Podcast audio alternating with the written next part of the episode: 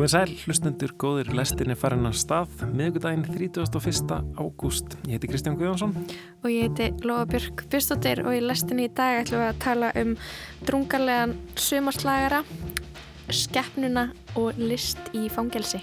Og svo kannski ber eh, Gorbatsjóf á góma. Já, hver veit. En já, undanvartna viku fór uh, alþjóðlegur hópur listamanna uh, daglega inn á fangelsið á Littlarhaunni og vann list með vistmönnum þar. Í gær og í fyrra dag síndu listamennir svo, bæði fangar og frjálsir á Littlarhaunni og á Eirabakka. Verkefnið er á vegum sögu, listavinnu, seturs og félaga samtakana Múrar Brotnir. Við ræðum við þrjá skipulegindur verkefnisins. Allir sem við hefum hitt eru mjög skapandi og ég held að veist, þetta eru meira og meina frábæri listamenn upp til hópa.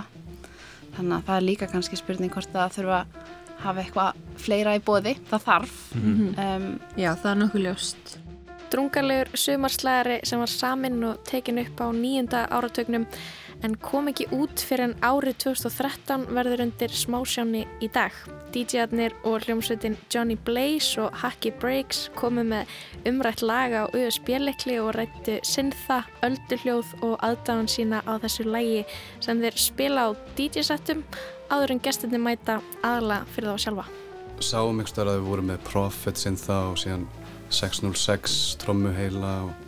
Já, og við vorum með kenningar um að það var ástæðan fyrir að setni plata kom ekki út fyrir eitt öllum peningurinn í fína græur. Baltasar Kormákur sendi nýlega frá sér kvömyndina Beast, skefnuna um morðótt ljón sem heldur Ídris Elba og fjölskyldu í gíslingu. Ásker Ingólfsson skoðar samband manna og ljóna í Hollywood í samhengi við myndina Beast. Vandin er hins vegar sá að Elba leggur aðeins svo mikið upp á því að leika ameríska læknin sem er ekki alveg á heimavalli. Er pínu klöfskur í þessum aðstæðum, eðlilega en þess vegna virkar hann stundum aðeins ofklöfskur fyrir þá ofuriti sem hann þarf að tólka þegar á reynir. En við ætlum að byrja á list í fangelsi.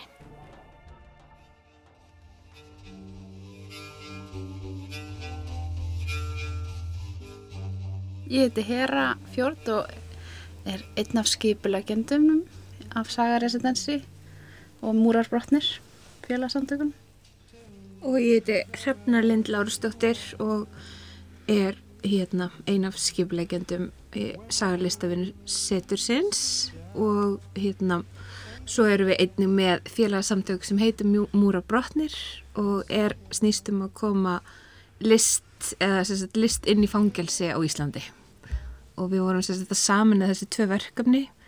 Sagarlistafinu Setur er búið að vera starfrækt síðan 2015 og hefur verið svona annarkvært ár á Eirabakka og er svona snýst um það að fá alþjóðlega listamenn í tíu daga á Eirabakka og þar sem að samvinna skiptir mjög miklu máli og við höfum verið að vinna með samfélagið sem þema. Um, en núna í ár vorum við sérstaklega að vinna með fang, sagt, samvinnu við uh, fangelsið á Littlarhraunni og þá vorum við að para saman listamenn og fanga til að vinna saman að uh, verki. Mm -hmm. Og uh, Scott, tókst þú þátt í vikunni? Yeah, so we took part in the, uh, my name is Scott, um, I'm also on the Saga residency team, and uh, yeah, I took part this week, and it was really beautiful to just see the way that um, the men in, in and the artists came together and the projects that came out of it. And even in the showcase to the community in Edabaki, I think the, the, the word that comes to mind is um, heart opening or heart expanding. Mm. It's just a very beautiful experience. Já, opnar hjörtu. Hérna, segi mér, hérna, hvern, hvernig kom þetta til, eh, þetta samstarf með, með Lillarhaunni og, og, já? Já, eins og Hrafna sagði, þá hefur, hefur Saga listafinnstöður verið að vinna með samfélaginu frá upphafi, með skólanum, með elliheimilinu á Eirabakka og fólkinu sem býr í bænum Um, en Littlarhönni er náttúrulega á Eirabakka þannig að þetta var svona kannski eitthvað um, eitt partur af samfélaginu sem átt alltaf eftir að aðtuga með samstarf með. Og það er kannski ekkert verið ekki hlaupið að því að, að fara inn í fangisið um, en það var árið 2020 sem við fengum loksins að fá að fara inn í einn dag uh, inn á Littlarhönn að vinna með fengunum og það var hérna það var bara stórkostlega upplifun. Það var bara að búist við því að hérna það myndi kannski bara engi mæta og allir vöru okkur við að þetta væri nú kannski eitthvað svona aðeins og skrítið fyrir vistmenn litlar hauns en svo komum við og hérna vorum við alls konar í bóði uh, að gera gjörninga, mála, alls konar bara vorum við stöðvar og leiki og bara ótrúlega margt og hérna og það var bara 40-50 mann sem komu og voru með okkur í tvo klukkutíma og var bara ótrúlega mikil stemning. Og þess að þetta væri bara næstu eins og hjá Bubba. Og eftir það þá bara ringdi fórstuðumæðurinn í mig og bað okkur hvort að það væri bara allir að byggja um hvort við getum gert eitthvað meira. Mm. og þannig þess vegna fór ég að hrefna af stað uh, með aðstofna félagsamtök utanum það að geta gert meira af listsköpun og færa list inn í fangelsin og við höfum verið að gera það síðustu tvö hárin bæðin á Littlarhaunni og svo einu holmseiði með konunum þar. Og eru er, er þá fangarnir og, og, og listamennir eða, eða listamennir á Littlarhaunni og list, listamennir utan, eru þeir þá einhvern veginn paraðið saman og vinna saman eða hvað? Já, já, en hérna, þar sem að okkur var svolítið sagt að það er kannski ekki allir sem mæta á hverjum degi af vistmennunum og Littlarhaunni, þá hérna pössum við okkur að hafa struktúrun svolítið opinn þannig að hver og einn listamæður ákvað eh, verkefni eftir að hafa talað við hérna ákvæmna vistmann.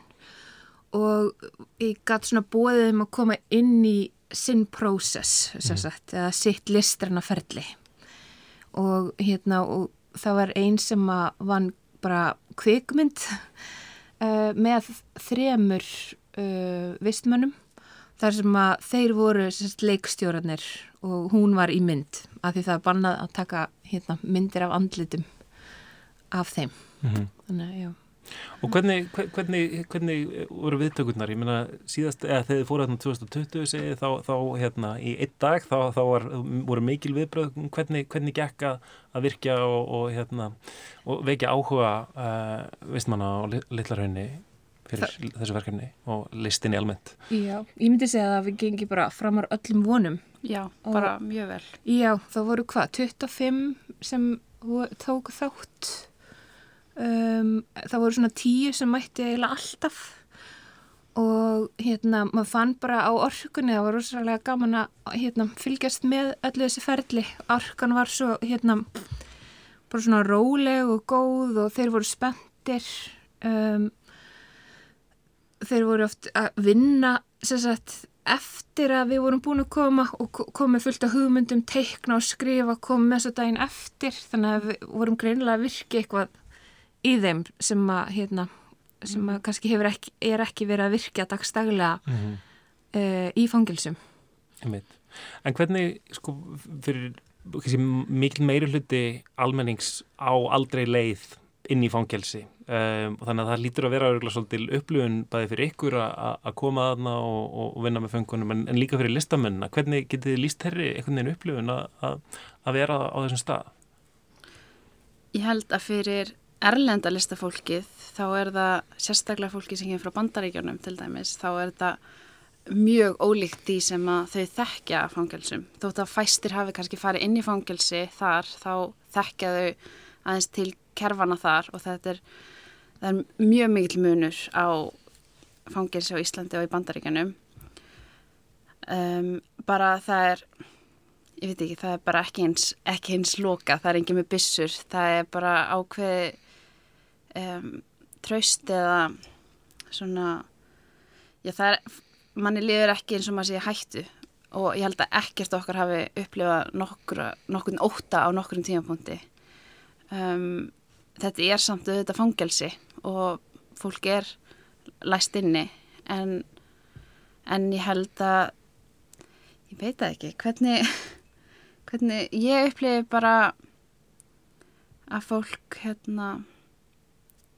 að, að það, á mörguleiti er fólk það mikið innveru og mikið í rauninni að huglega sjálft og í og hugsa og það er, á, það er kannski meiri róðan einni heldur en maður býst við. Það er ekki einhver hamagangur eða þú veist, það er bara svona ákveðin yfirvegun þrátt fyrir auðvitað mörg mikla áfallasögu hjá flestum ef ekki, já, öllum myndi ég segja. Allavega þegar við vorum mætt þá sýttu þeir sínar bestu hliðar Já. og voru mjög bara spendir fyrir hérna, þessari starfsemi um, en ég veit að þau, þau voru í mjög innilegum samtölum við fangana og þau fengu stórar sögur og miklar áfallarsögur og þá var það svolítið okkar vinna sem skipuleggjendum að hérna svona halda utanum það og við pössum að vera með hérna svolítið mikið svona jóka nýtra og einhverja seremóniur og aðeins að hreinsa orkuna svo þau tækit ekki allt inn heldur myndi frekar geta fundið þessu svona skapandi farveg. Já, I think for some of the artists, and you know myself included, we have such a connection to the prison, not Litrohroin, but prisons in general. My dad went to prison when I was young and didn't come out until I was in college.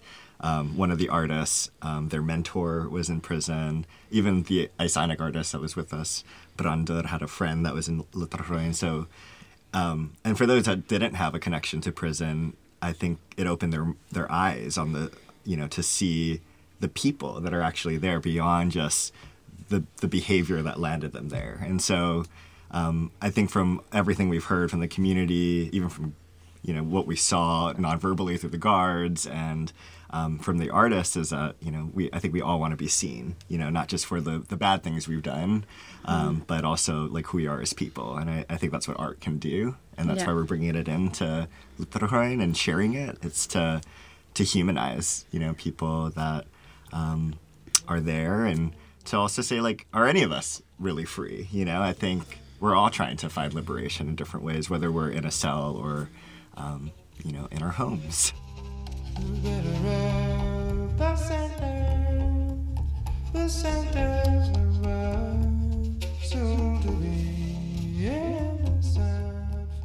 í gær þá, þá var síning á Eirabakka af svona hérna út, útkoman af, af þessu, þessari vinnu og samvinnu, hérna hvernig, hvernig var það? Já, hún var haldin í skrúfunu sem er nýtt rými á Eirabakka. Skapandi rými og hún stendur fyrir hún Sigrún þurriður Já. og hérna er bara, og þau stuttur rosalega vel við okkur með að gefa okkur aðstöðu bæði til þess að hérna, hittast hópurinn utan fangisins og einnig til að halda sýninguna. Það var bara fullt hús Já. og Sigurinn var hérna með ís og það var bara rosa góð stemming og fólk virtist vera bara mjög áhugasamt um, um þessa starfsemi. Ég meit. En verkin sem voru sínd, hvernig, hvernig verk voru þetta? Það var bæði hérna, það var kom trailer úr sem sagt, kvikmynd sem verður að fullri lengt.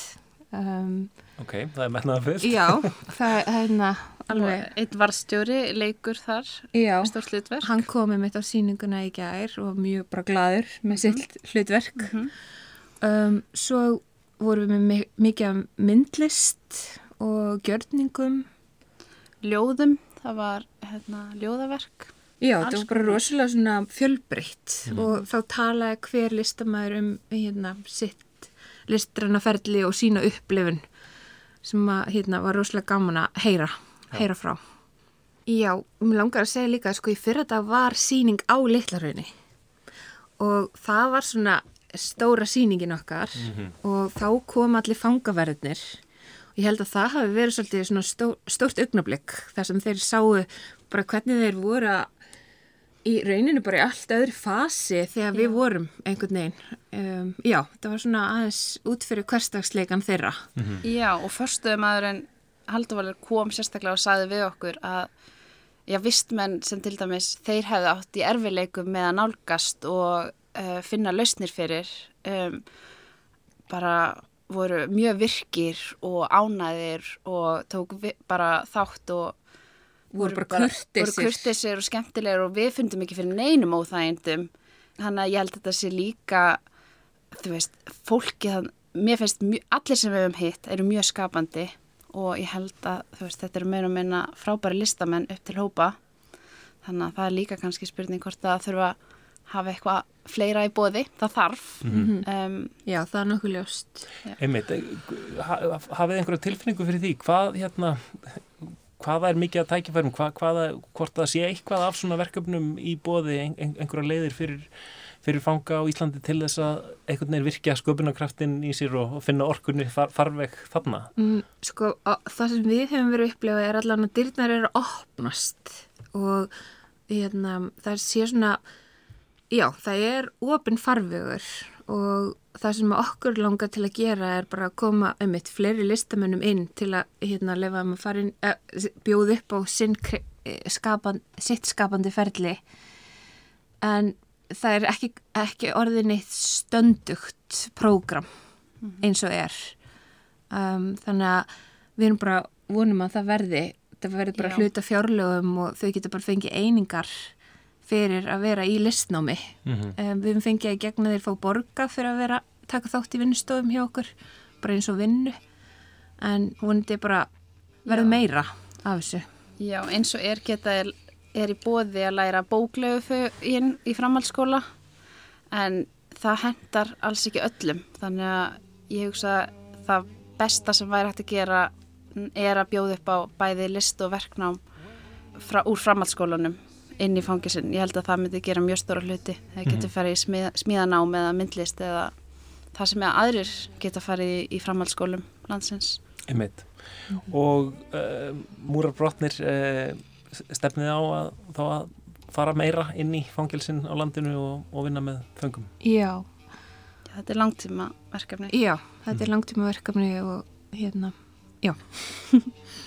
Hrefna, Hera og Skott, takk hérlega fyrir komin í lestina. Já, takk fyrir okkur. Já, takk.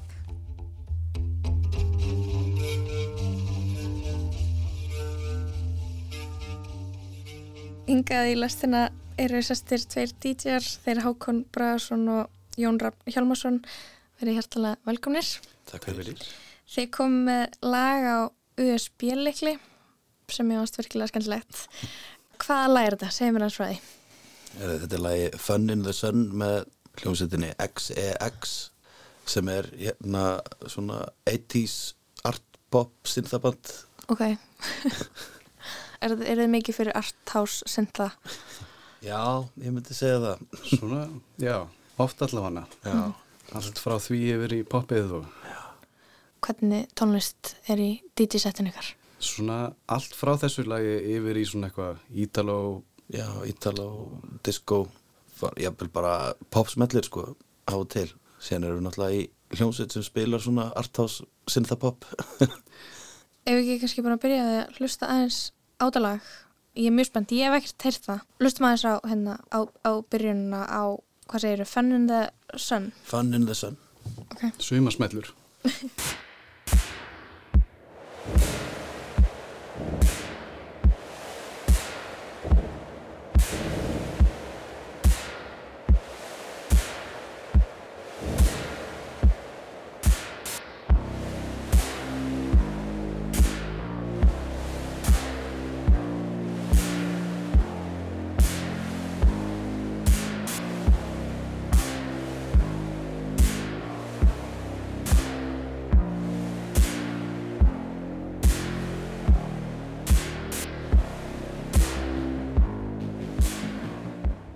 Ok, þetta, þetta byrjar svolítið svona þungt, er það ekki? Jú, þetta er einmitt hérna, það er hérna svolítið skemmtilega við þetta lag, er, þetta er svo ótrúlega dark hérna undirspill en yfirbræðið á söngnum er eitthvað einn svona happy-go-lucky mm. svona andstæður býr til svona skemmtilegt andrumsloft svona íri, mm. veit ekki hvernig maður myndi segja það á íslensku Eitthvað dularfullt Eitthvað dularfullt, eitthvað mystik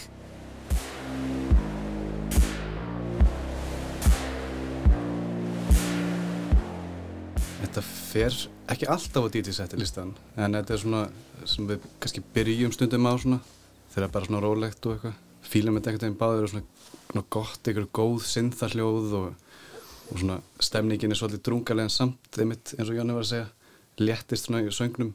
Og þetta er smá svona svona öfugt við oft diskolög sem eru svona súper hann að létt einhvern veginn í tónlistinni en síðan þungi textar. Já, eins og öll abba laun Já.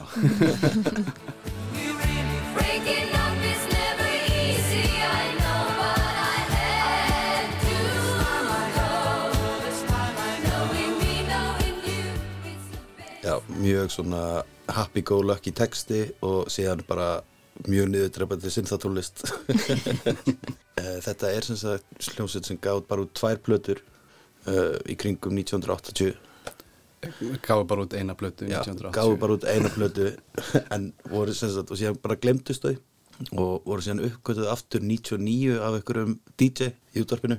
Já, það voru fyrsta blötun að gefa út í einhverjum þúsund eintökum á vínil og síðan bara týndist það. Og hann fann sér þess að vínilblötu og reyndi að finna meðlimanna og eitthvað. Já, hann fann þá. Og sem sagt hjálpaði þeim við að endur útgefa hérna fyrstu plötuna. En hérna þetta er af setni plötunu sem, sem sagt þegar þeir voru að leit, eða gera þetta, finna hérna fyrstu plötuna gefa hann út aftur það fann sko stoppmeðlumurinn spóluna af annari plötu sem kom aldrei út og hún var gefin út aftur 2013 eða ekki, hún var ekki gefin út aftur, hún var gefin út fyrst skipti 2013 Ok, þannig að þetta var eitthvað svona, eitthvað leini fjársjóðar. Já, Þessi, kom út 30 árum setna ok. sko, við þurfum að heyra þegar gleði kaplinn, eða hressi kaplinn kemur inn. Er það ekki? Já, þegar söngar, söngkonan kemur Ó, og ok, það, hérna, við skulum þá heyra, fara hans inn í lægið og, það er og bara rétt handað við honnið frá því það sem við stoffum síðast. Fun in the sun,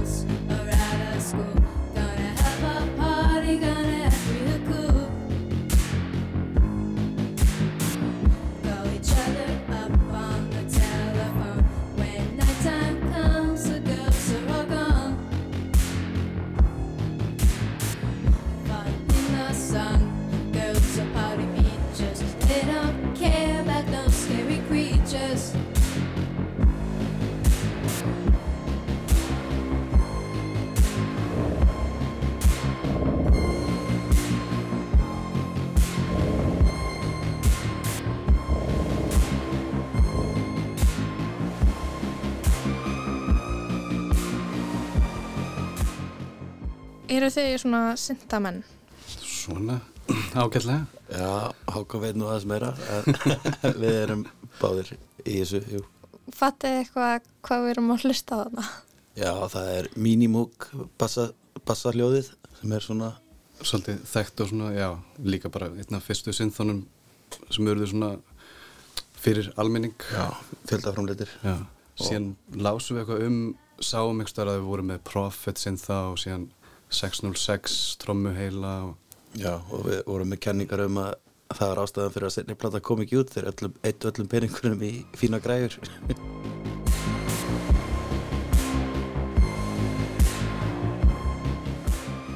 Kemur hann að harra hljóðið Ding, Örugglega. sem breytir síðan í melodíuna getur ekki bara verið þessi Prophet synthi annað Já, síðan alltaf getur þetta líka verið minimókin sko. getur verið ímyndlegt það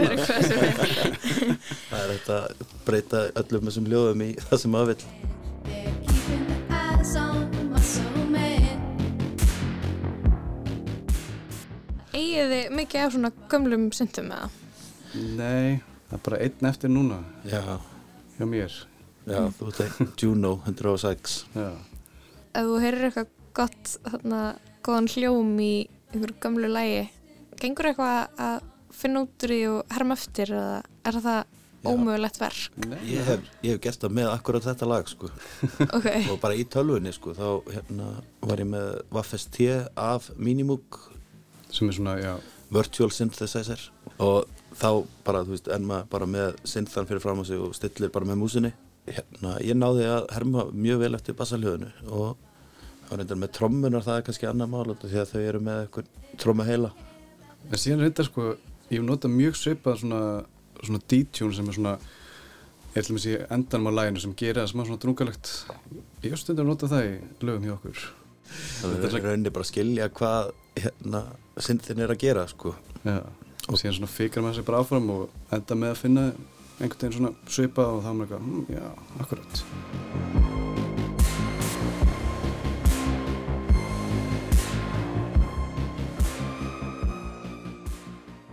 Er ekki 80s eða eitthvað mjög mikið comeback núna? Það er eitthvað 80s hljómur í fullt af vinsallið tónlist sem er að koma út. Jú, ég held það sko. Það er líka út af þessum hljóðfærum, synþurum sem eru að verða svo vinsæl núna eru sérstaklega þessi 80s synþar. Fólk er að eða mörg hundru þúsundu bara til að kaupa sko, upprannilegu græjuna og fá þá hljóðið sem var. En er ekki hægt að gera þetta allt einhvern veginn í tölvunni eða? Svona vissuleiti, en ekki, kannski ekki alveg sami fílingurinn Nei, það er eitthvað í vírunum sko á gamlu græjunum. Ok, þannig að það er munur á hljóðinu. Það er ekki bara fílingurinn. Já, það er ekki bara fílingur og sen er það náttúrulega líka hvernig tónlistin er unnin og hérna hvaða græjur voru notað til að taka upp, hvaða mikrofónar, hvaða kompressorar, Já. alls konar svona, það var allt bara analog þá og núna er, það kemur svo mikið digital hljóð með tölvunum, svo reynd. En það er alltaf hægt að feika ímislegt í, í tölvunum líka sko. Það er eiginlega eins allan tímaðan en það endar á því að þetta feitar svona út hún heldur áfram að syngja smá og það feitar út og þá verður þetta bara svona öldunar í bakgrunn verða herri og það er líka sem sagt synthesizer sem býr til ölduljóðið bara með noise. Kemur eitthvað svona smá detune svona Já. einhverjar nótur og, og Þetta er líka- þetta er líka allt spilað inn. Þetta er, hérna, þetta er ekkert, ekkert forritað, þetta er bara allt spilað live. Ok, á þessum tíma sem þetta lag kemur út, er þá hægt yfir höfuð að forrita? Nei, eiginlega ekki. Það er, er handa við hornið þannig að 80 og eitthvað eins og bara Alphaville, þeir forrita allt og það er 84, 5, 6 þegar þeir gefa út hana Forever Young plötuna þá eru þeir einmitt byrjaðir að forrita synþana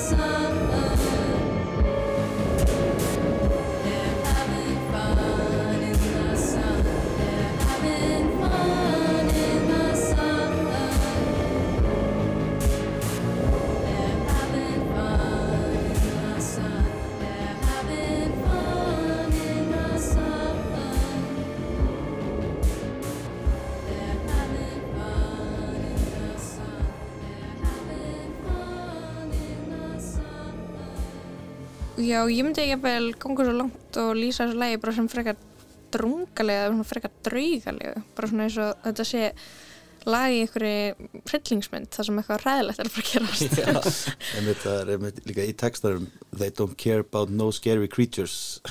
Og ég veit, þú veist, maður veit ekki hvað þeir eru að tala um en á ströndinni kasta boltum og síðan kemur eitthvað skrýmsli Hvað vitið meira um þessa hljómsveit sem að gefur út þetta þennan drungarlega strandar slagara? Byrjuð þrjú og síðan bættust við hvað tveir meðlumir eða eitthvað og síðan Já, Já, gáðuð fyrstu plötuna sem fyrsta platan er svolítið hún er miklu hráari einhvern veginn og meira svona já, þá hljómaður þetta svolítið eins og svona velvegt underground í byrjuninni nema ekki gítarar bara, Sindar. já, bara sildar og fólk að öskra eitthvað politíst Já, það voru meira kannski pólitíska fyrir plötunni. Já, þeir eru held ég voru frá New Jersey. Já, Og hvar, þarna, hvar fundið þetta lag? Hvernig grófið það upp? mér finnst þess að ég hafi fundið þetta einhvern tímann bara á okkur playlist á Spotify. Já, ég ekki, þetta kannski kynntið þú mig fyrir því? Ég heyrði þetta, já, ég held að ég hef gert það. Ég heyrði þetta fyrst eitthvað tíman 2016 þegar ég bjóða í álfumum Það hef ég röglega uppgötað þetta bara gegnum einhvern vin eða vinkonu bara sem var að hlusta á þessu sumu tónlist við við vorum ekki búin að gefa þetta okkar plötu og, og var allt, vorum alltaf að leita af svona elektrónik Italo disco Mhm. og þetta svona greip mann kannski svolítið mikið út af því að þetta er svo öðruvísi en sami svona sama tækni Geti það hafa verið þrótlisa diskoteksgrúpan. Einmitt. Þetta er frábært lag og kannski endum þetta spjall á að setja á stað hitlagið sem þið vildu. Það heitir Laid Back og með hverjum er þetta lag? ja, það heitir Baker Man Ó já, sorry, það heitir, það heitir Bakerman. já, með danska tvíekinu Laid Back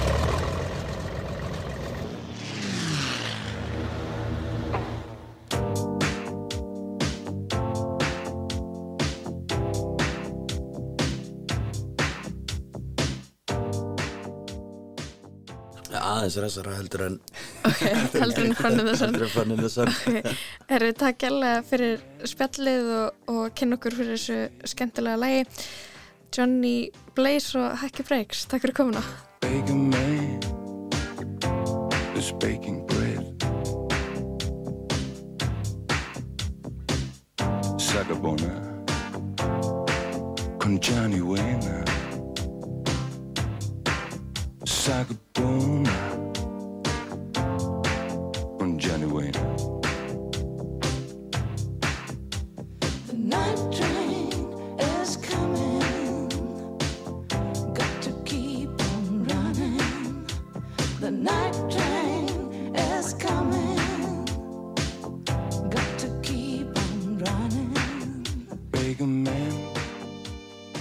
Hákon Braðarsson og Jón Rapp Hjálmarsson eru Hacky Breaks og Johnny Blaze þeir spila á Keks á lögadaginn sinnþaða 80s pop tónlist við reyndum þarna í leiðið Fun in the Sun með XCX Já, Ég mitt.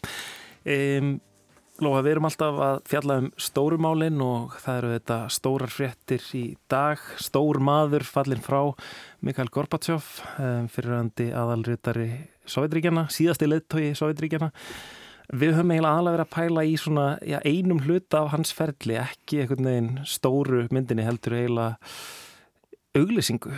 Já, einmitt, sem ég vissi ekki af fyrir en bara núna við andlatáns. Einmitt, en hún hefur svona, henn, henn hefur skotið upp svona nokkuð reglulega á, á netinu og orðið svona, svona algjörum mými svona við og við. Mm. Um, Ef við kannski ekki bara heyra brotur þessar auglisingu. Já. Þetta er Gorbachev. Горбачев. Это из-за него у нас в экономике бардак. Да благодаря ему у нас новые возможности. Это из-за него у нас политическая ok, нестабильность. hvað er að gerast þarna? Já, þetta er eh, Pizza Hut auðlýsing sem að Mikael Gorbachev leik í árið 1997 og um, já, er svona einn frægasta held ég bara auðlýsing allar tíma í rauninni, ótrúlega merkileg auðlýsing hérna, hann gengur hérna um Rauðatorkið í, í Moskvu á samt uh, badnabanni sínu, svo faraðu inn á Pizza Hut um, stað sem auðvitað táknar amerískur skyndibita staður sem er algjör svona einhvern veginn andstaða við Sovjetríkin um, en uh, hann gengur hann inn og, og, og fólkið hann inni er að rífast, eða þeir að rífast um svona arleið uh, Gorbatsjófs Já, ummitt, eitthvað hvort að um, hvaðan færði Rúslandi, eitthvað þannig. Einmitt, þannig er einhvern veginn svona gamalt maður eða eldri maður sem er einhvern veginn að, kvarta yfir að, að þessi hérna, efnahagsvandræði síðan nú honum að kenna og, og hitt og þetta. Uh, og annar sem að, sem að hrósarunum þvert á móti. Og svo endar þetta á að hérna, gömul kona einhvern veginn stendur upp og, og segir já, út af Mikael Gorbachev þá erum við með Pizza Hut. En hann alltaf, þú veist, var, uh, var hérna stjórnmálamæður sem að um, var, já, síðasti leiðtöðu Sovjetríkjana og svona uh, stýrði Sovjetríkjunum á þeim tíma sem þau liðust í sundur. Og er mjög umdeldur, í, í rauninni mjög vinsæll á Vesturlöndum, þykir einhvern veginn svona um, vera mjög svona einhvern veginn di- diplóma, diplómati sem, að- sem að náði að, gera þetta á, á þann hátt að það allavega leiti ekki til einhverjar rosalega borgarastyrjaldar eða eitthvað svo leiðis eins og hefði kannski verið eðlilegt þegar svona risaveldi liðaðist í sundur. En í Rúslandi og fyrir um Sáðuríkjunum þá er hann ekki jafn vinsæll. Um, þykir svona kannski bara hafa um, gefið hlutinu upp á bátinn full auðveldlega látið bandaríkin í rauninni bara sigra kaldastrið eitthvað neginn ummitt en þetta er svo fyndið út í þetta svona, þetta gæti verið eitthvað pólitískur áraður en, en þetta er bara pizzaauðlýsing og hún er aldrei sínd í Rúslandi þannig að það sem að gæti veginn svona mögulega verið eitthvað herrbyttu hérna sjáum aðeins í þessu, ég veit við erum, erum ósámulegum en hennar mann en þannig að við fengum allavega skyndibita og frelsi. Mhm. En þetta er bara alls ekkert pólitískur áraður fyrir rúsa og þetta, Nei, það að- sér þetta enginn í Rúslandi Nei, það sem merkilega er, er að þessi auglýsing var aldrei uh, byrt í Rúslandi. Hún er einhvern veginn gerð fyrir alþjóða marka, en er á rúsnensku og hérna... hann hefur kannski bara verið of óvinnsæll til þess að svona ölsing, hvað, var nýbúin að vera í einhvern kostningum Já, hann var nýbúin að tapa, tapa fórsetakostningum alveg svona, alveg skít tapaðum, fekk held ég bara eitthvað 1% atkvæða eða eitthvað svo leiðis, uh, Boris Jeltsin alveg hérna rústaðunum um, en af hverju hann þetta er svo ótrúlega skrítið að hann hafi tekið þátt í þessar auðlýsingu þú veist, ég meina, eh, ég meina Michael Jackson er einhverju Pepsi auðlýsingu og eitthvað svona en, en svo skrítið að, að þessi stjórnmálamæður með þessa einhvern veginn ímynd og ári sem hann er með, hann hafi látið plata sig í þetta einhvern veginn. Eitthvað að setja svona sitt nafn við skyndibötakeðu Já. það, það, er það er svona eins og þú stökkur niður um einhvern veginn stig í þjóðfélaginu. Já. fara inn á eitthvað svona almúa svið Einmitt, og, og auðvitað hafa margir einhvern veginn líka lesið þetta sem bara einhvern veginn svona tákn um algjöran sigur kapitalismans yfir kommunismannum þegar sko fyrfirandi æðsti ráðamaður í stærsta kommunistaríki eða, jú, ég veit ekki hvort það er stærra en Kína, en allavega svona Mm. einu stærsta og, og mikilvægasta uh, kommunist, kommunistaríki heims um, að hann sé farin að leika í auglýsingum fyrir uh, amirist skyndibita fyrirtæki Mhm. en hann var, í, hann var víst sko í svo- svolítum svona vandræðum á þessum tíma um, hérna, það var náttúrulega já, voru náttúrulega svona svolítil efnagsvandræði þarna í, í Rúslandi og hann Uh, átti erfitt með að fá, fá peninga. Hann, hann hafði vist fengið einhver svona eftirlaun svona fyrir, fyrir starfsitt þarna. En út af verðbólgu þá var það orðið bara engu. Þannig að hann, hann var í vandræðum við að fjármagna svona þá starfsemi sem hann vildi halda úti sem var eitthvað svona rannsóknastofnun sem að rannsaknaði hans eigin arl- arleið og eitthvað svona En mér finnst þetta eitthvað, já, það er svona eins og hann hefði verið eitthvað orðin eitthvað fátækur en hann gerði þetta náttúrulega ekki fyrir lítinn penning, hann fekk alveg mjög mikið borga rosalega fyrir mikið þetta. og þannig talið að sé svona ein hæsta upphæð sem að, sem að um, fræg manneskja hefur fengið fyrir að leggja auðlýsingu sko. Já, það er örgulega bara hægt að kaupa flesta. Einmitt. og kannski bara eitt að lokum þá, hérna, þá uh, hefur hann reyndar leikið í einni annari auðlýsingu það var hérna svona ljósmynd um, sagt, Louis Vuitton uh, glæsi vörumerkið leikur leiki í, eða satt fyrir í auglýsingu fyrir, fyrir það. Og þar situr hann svona aft, aftan í bíl svona einhverju dimm svolítið mynd og hann er svona við, við Berlínarmúrin og með Louis Vuitton tösku þarna í bílnum. Og reyndar upp úr, upp úr töskunni þá hérna blasir uh, frétt, fréttablað sem er uh, með um, frétt um morðið á Litvinenko sem var hérna leini þjónustumæður sem að Putin let drepa Einmitt, eitthvað svona pólitísk skilabóð þarna. greinlega. En mér finnst eitthvað svona áhugavert og, og eitthvað svona sem maður sér ekki mikið í auðlýsingum í dag er allir eitthvað svona litlu smáadriði sem hafa gett mikla merkingu eins og á, í Pizza Hut auðlýsingunni þá er hann búin að skera pizzuna í eitthvað ákveði marga hluta og það átt að tákna skiptingu Mm, Sovjetríkjana og þannig er eitthvað blað og ég er eitthvað, er ennþá er fólk að pæla svona mikið í litlum smáadriðum sem er að þýða ótrúlega mikið Það hlýtur alveg að gera það þegar einhver svona manneskja er sett í þessar aðstæður. Já. En við ætlum að snú okkur öðru, við ætlum að snú okkur að bíómyndum. Hey, look out the window. Welcome to my party, guys. Thank you so much for having us. This is my chance to reconnect with the girls. Did mom shoot some of these? This little bump right here, that's you. I still miss her every day.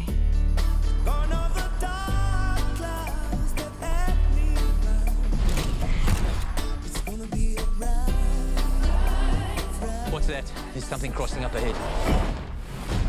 Keep the girls in the car. Stay in the car, okay? Just stay in the car.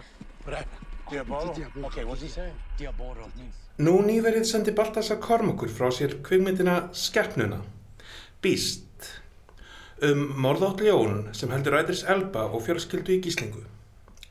Baltasar heldur þar með áfram sérhæfingu sinni sem leikstjóri í þrautsegjumynda, bíamynda sem fjallum baráttu mannsins við náttúröflin. Djúpið, Everest, Adrift og núna Beast.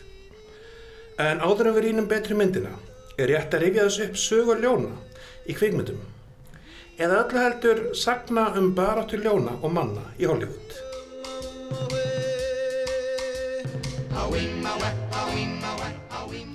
Og það er líklega best að fara inn 124 ár aftur í tíman til að leita upprunans, áður en við koma bestíu Baltasars, til þess átt okkur betur á hvar hún á heima í þessari undir-undirgrein kveimundina.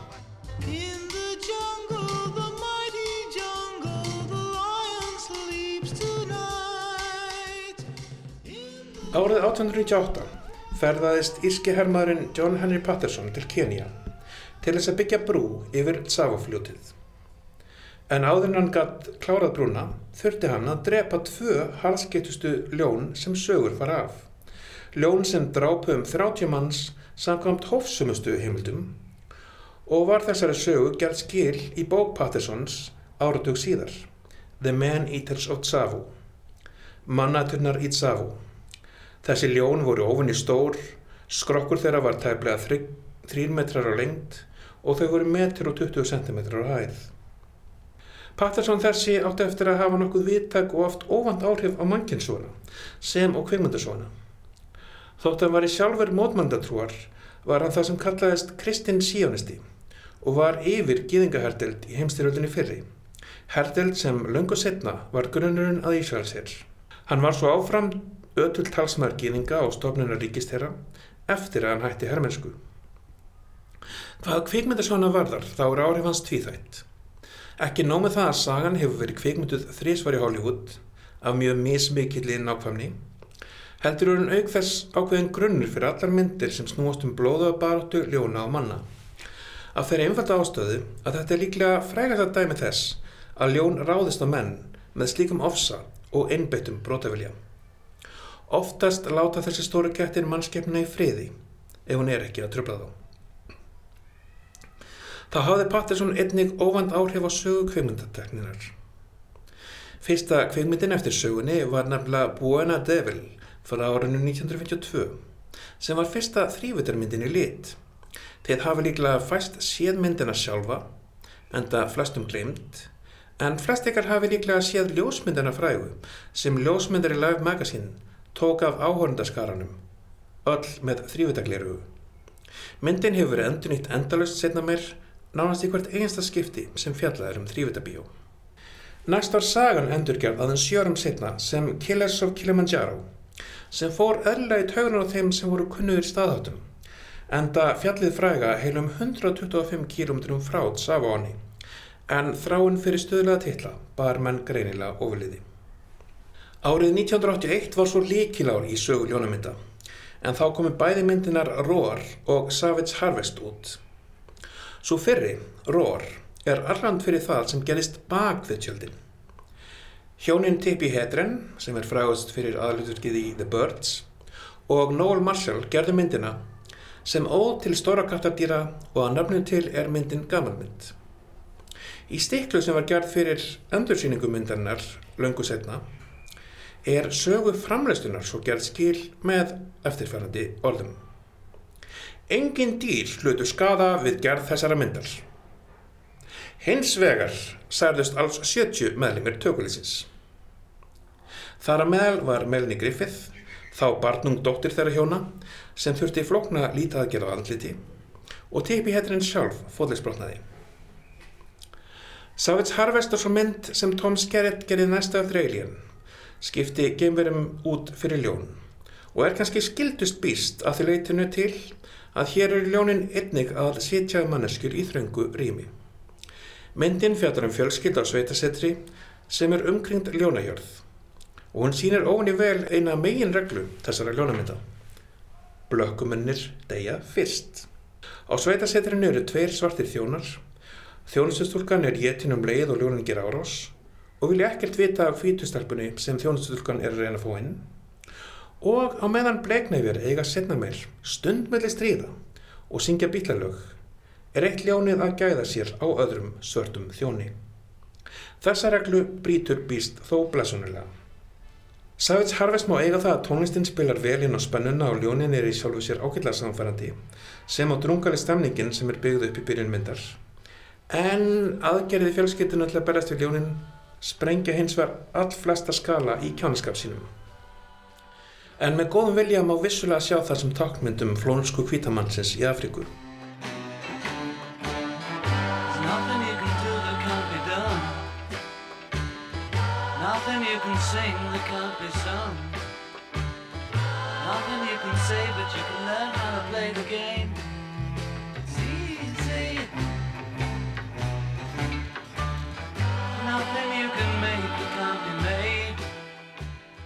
En nú komum við að frægustu myndinni af þessum anga ljónamynda. Þriðju aðlugunni af Sugur Pattersons The Ghost and the Darkness frá árnu 1996. Nafnið vísar til ljónana tveggja sem gengu undir nafnu Skuggin og Myrkrið. Val Kilmer leikur Patterson í myndinni, Michael Douglas tólkar skáldaðan ljónaveiðimann og þeir Cesar og Bongo leika ljónin tvö. En ólíkt upprunnu fyrirmyndunum eru þeir Cesar og Bongo með voldúa ljónsmakka en ljónin í Tsavo voru makkalös kartýr. Og ef ég lefi mér einfallega að bera myndina saman við bestíu Baltasars, þá hefur fyrirmyndin fyrst og fremst tvent með sér. Til að byrja með notur hún alvöru ljón, sem er ólíkt meira samfærandi en tölvutöknaða ljónið í býst. Það var myndin mun betur skrifuð, en það heldur sjálfur William Goldman að penna, og skrifar sérstaklega skemmtilegar senur fyrir kapitalist nýlandusvín sem Tom Wilkinson leikur af miklu listfengi. En hann var frægur. Á sama tíma er handritið eitt stærsti veikliki býst eins og tilhrifalegst titill myndarinnar er vísmyndingum. of saving Africa from the Africans and, of course, to end slavery. How many do you think they've killed? Hundred, maybe more. En býst jafnar þó leikinn á mjög einfaldan hátt. Háskin er meiri, miklu miklu meiri. Í The Ghost in the Darkness er heil herdild af nafnlausum blokkumunum fyrir ljónin til þess að drepa áður en þau gæða sér á þeim Kilmer og Douglas. Í Beast eru þau hins vegar mestallar myndina bara fjögur út í sveit og enginn þeirra er neitt veiðmaður og tvær þeirra bara úlingar. Þannig verður háskin miklu meiri, maður hefur einhvern veginn sjaldan miklar áhugir af Kilmer eða Douglas í gömlu myndinni, það er nóga blokkumannakjöti til að borða fyrst. Og það er ekki hægt að neyta hverstagsrasismannum sem er til staðar og byrtist kannski best í litlu atriði þegar ljónin ráðast á spítala. Hvítalækninum hafði fram að þessu ekki verið líst neitt mjög fallega en myndafurinn staldrar aðeins við þegar við sjáum líkið af honum. Tónlistin hækkar kurtislega um eins og einn áttund að meðan hvorki myndafurinni tónlistin síndu líkum blokkumannina mikla aðtegli. Í býst eru hins vegar fjóra og aðeins einn þeirra er. Multiple attacks without eating its prey. Lions don't do that. At least no lion I've ever seen. Go back to the calls. Jacqueline, please!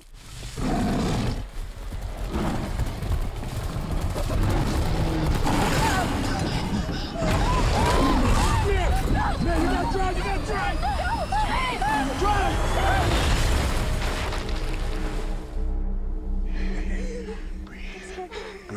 Slow down. Æðris Elba leikur lækni Nate og það er Jana Halley og Lía Sava Jeffries leika dætur hans. Það er Mer og Nóru. Þá leikur Sjaltó Copley, hann Martin Frenda, sem er vissulega ekki blóðfrændi þeirra. En það sem hann kynnti Nate á sínum tíma fyrir einkoninni er hann nokkur skonar heiðursfrændi. Það skapar nokkuð ofanlega dýnamík að hér eru blokkominir gestkomandi í Afríku. Þau koma öll þrjú frá New York á meðan Martin býr þarna og annars meðal annars ljónin og er leikinn af einum þekktasta leikara Suður-Afriku en Copley sló á sínum tíma í gegn í meistaraverkinu District 9 þótt hann hafi ekki fengið við líka hlutverk síðan. Einkona Nate og móður dætrana er eins og nýláttinn og það skapar spennu í fjölskyldinni. Hún var ólíð þeim fætt og uppalinn í Afriku og nokkrar draumasinnur undirstryka að hún er í raun móðir Afrika fyrir amerísku blökkufjölskyldinni. Þau eru komin hingað til að yfirvinna sorgina, finna rætunar og heilast sem fjölskylda. Þessu öll er þó komið afskaplega klaufalega til skila í upphæðu myndar. Handriðsöfundurinn ofskrifar þessi samtöl svakalega, gleymir að sorg sést oft best í þögn og óraðum setningum. Nei, hér skal allt útskýrt á með tíma. En þessari baksögu hefði sem best mátt sleppa ef ekki var hægt að komin í betur til skila. Leikarni bjarga þó því sem bjargað verður. Óningsstelpuna tvær eru til dæmis ansi misvel skrifaðar en leikurna tvær eru enga síður magnaðar, ég hef vel þegar díalókurinn bregst þeim. Eldri stelpan er þeir ljósmynda ástriði móðurinnar, eitthvað sem er mjög skemmtilega notað í lókmyndar og hefði mátt nota betur fyrr. Áður en við hittum aðalpersonunar fyrir er þú örlitil forsaga. Það sem veiði þjóvar slátra ljónahjörð, nema, eitt kardýrið, lifir af og hefnir grimmilega. Veiði þjófnar hefur löngum verið vandamál í Afríku en í kjölfar alþjóðlega lagasetningar fyrir síðustu aftamót, þar sem refsingar voru verulega hertar, þá dróm ég úr og til að mynda fóru fílóstafnar að ná sér vel á stryk aftur. Nema hvað, þegar Kína rýs upp sem efnahagsveldi, kemur harkalegt bakslag. Gamaldags nýlendu hugsun þar sem fílabein og ljónstennur eru til merkisum krartmennsku og ríkidæmi lifir enn merkilega góðu lífi í Kína. Auk þessum fílabein og tíkristýrabein og ljónabein í hallari eru talin hafa mikinn lækningamátt. Þess vegna ruku þessa dýraafurðir skyndilega upp í verði, svo mjög að veið þjóðum þóttu aftur ástall að taka áttuna, svo miklir fjármunir voru í spilinu. Þannig eru morðóðum ljónum ávallt egnaðar nokkuð mennskar ástæðar fyrir drápunum. Ljónin í The Ghost in the Darkness, söpnuðu mannabennum og ljónið í Beast er eins og persóna á nýjasta hemdardrama Liams Neesons en það hefur handriðsögundurinn Ryan Engel innmitt komið á nokkrum slíkum. Það er þrástef í öllum þessum myndum að ljáta eitthvað segja en, en, en, ljón ger ekki svona. Venjuleg ljón það er að segja. Í því er sjálfsagt fólkin ansi mennsk bábilja að dýrin séu fyrirsjónlega og án eigin persónleika lauðs við allar þar fjölbreyttu persónleika raskanir sem mannskjöfninni fylgja. Fljótlega eftir komin allir Afríku fara neitt og dætuna tvær svo í safarifært með Martin Frenda og það sem gerist í kjölfarið er ekki flókið. Ljónið finnur þau og situr um þau lengst af í einum litlum bíl. Ljónið er í hemdarhug og í huga þess eru allir menn eins.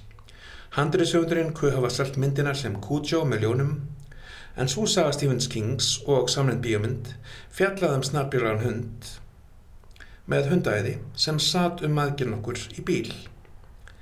Og einn senan minnir raunar mest á The Revenant með Leonardo DiCaprio þar sem ljón kemur í staða skóabjörns og lumbrar harkarlega á einni aðarpersoninni.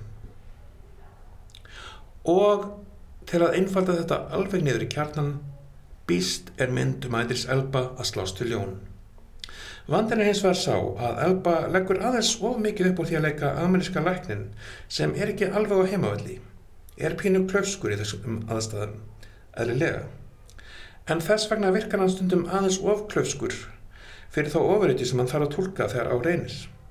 Hann er ómikið að reyna að tólka neitt sem borgar búið að villast í óbyðunum þanga til að neðist til þess að skipti yfir í beljakan sem hefur í fullu tíu við brjálaði ljónið. Allavega sögðu ljónin í næsta dýragarði mér að fyrir þeim væri þetta eiginlega gamanmyndum afskaplega klöfst ljón sem réð ekki við að drepa örfóa klöfulega ákvöðumenn. En fannst þá kynnt út hversu öfullega það réði við þrauðþjálfaða viðþjóa.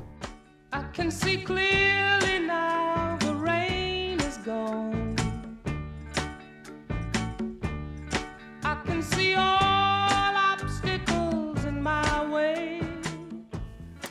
Ásker Ingólfsson fjallaði um ljón í kvikmyndum eh, og nýjastu kvikmynd Baltasars Kormáks, Býst. En við erum komin á leðalókum. Já, við verum aftur á morgun á sama tíma. Ég heiti Lofbjörg Pyrstóttir. Ég er Kristján Guðvansson, tæknumar var litja Gretastóttir. Við reyðum sæl.